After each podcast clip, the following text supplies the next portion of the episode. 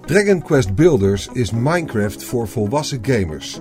Hoe ik door nostalgie een nieuwe generatie leerde begrijpen. Geschreven door Thijs Barnard voor Laatscherm.nl. Ingesproken door Arjan Lindeboom.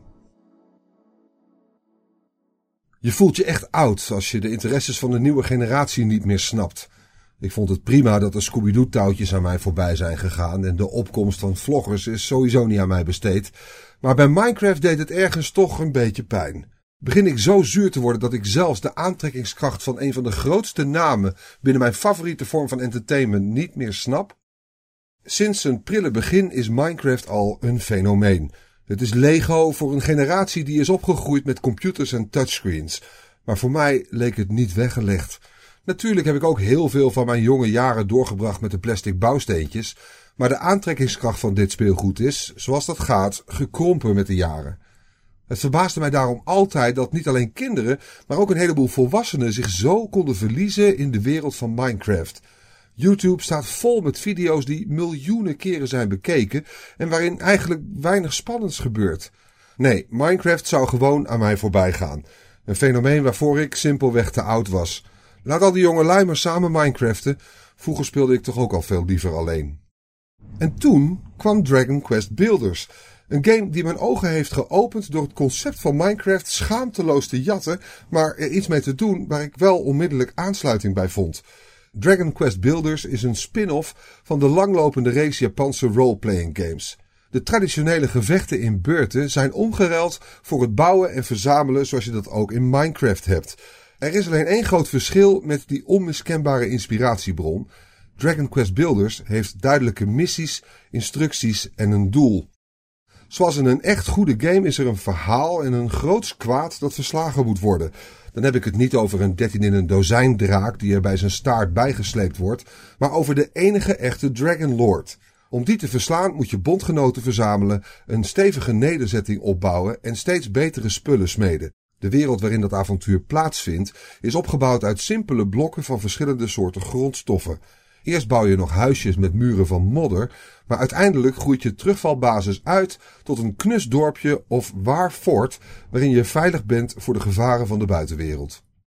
Dat klinkt misschien wel heel erg hetzelfde, maar Dragon Quest Builders heeft daar lak aan. Het spel heeft bovendien iets waar Minecraft pas over 30 jaar op mee kan liften: nostalgie voor een specifiek soort game en genre. Builders is geen RPG zoals je ze vroeger speelde, maar het oogt en klinkt wel als zo'n spel van toen. Je hoeft niet eens een groot liefhebber te zijn of zelfs enige kennis van Dragon Quest te hebben om dat mee te krijgen. De DNA van de allereerste Dragon Quest is terug te vinden in ongeveer iedere andere RPG. Als dat de truc niet doet, is er natuurlijk ook nog de herkenbare stijl van Akiro Toriyama. Onder meer bekend van het iconische uiterlijk van Dragon Ball.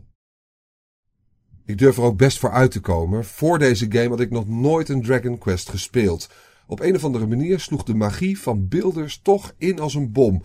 Toen ik voor het eerst de veiligheid van mijn vallei verliet om een gigantische berg te beklimmen, stond ik met kippenvel aan de top. Helemaal in de verte zag ik een gigantisch bouwwerk dat leek op een piramide. Dat is mijn doel, dacht ik bij mezelf. Dragon Quest Builders deed iets wat nog geen andere soortgelijke game gelukt was. Ik had plannen voor de wildste bouwwerken, de verste avonturen en dat alleen maar door een klein beetje structuur aan te brengen in een zee van mogelijkheden. Het is nog steeds een zandbak van opties, maar dan wel met een vertrouwd aanvoelende omheining. Het vult me met warme gevoelens over hoe games vroeger voelden. Als grote spannende werelden die ik maar nauwelijks durfde te verkennen, maar waarin wel van alles mogelijk was. Ineens klikte het. Dit is waarom al die kinderen van nu Minecraft zo geweldig vinden. Dat ik Minecraft pas kon accepteren toen een langlopende serie hetzelfde deed, maar net even iets anders, is ergens wel een beetje knullig. Builders weet alleen zo knap de juiste snaar voor mij en ongetwijfeld vele duizenden soortgelijke Minecraft niet begrijpende spelers te raken, dat ik daar niet moeilijk over ga doen. Schaamteloos zeg ik daarom dat ik enorm veel zin heb in het vervolg op Dragon Quest Builders. Hierin kan ik eindelijk samen met iemand anders de uit blokken bestaande wereld verkennen. Het mogen duidelijk zijn, mijn hypocrisie kent geen grenzen als het om het wegwuiven van Minecraft aankomt. Dragon Quest Builders is duidelijk de betere game.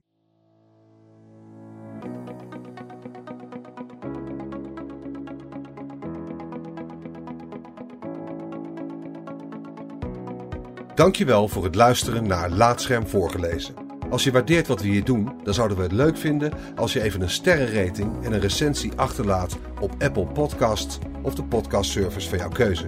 Abonneer je ook op onze andere podcast, Praatscherm. En ga voor deze en meer verhalen, geschreven of gesproken, naar laatscherm.nl.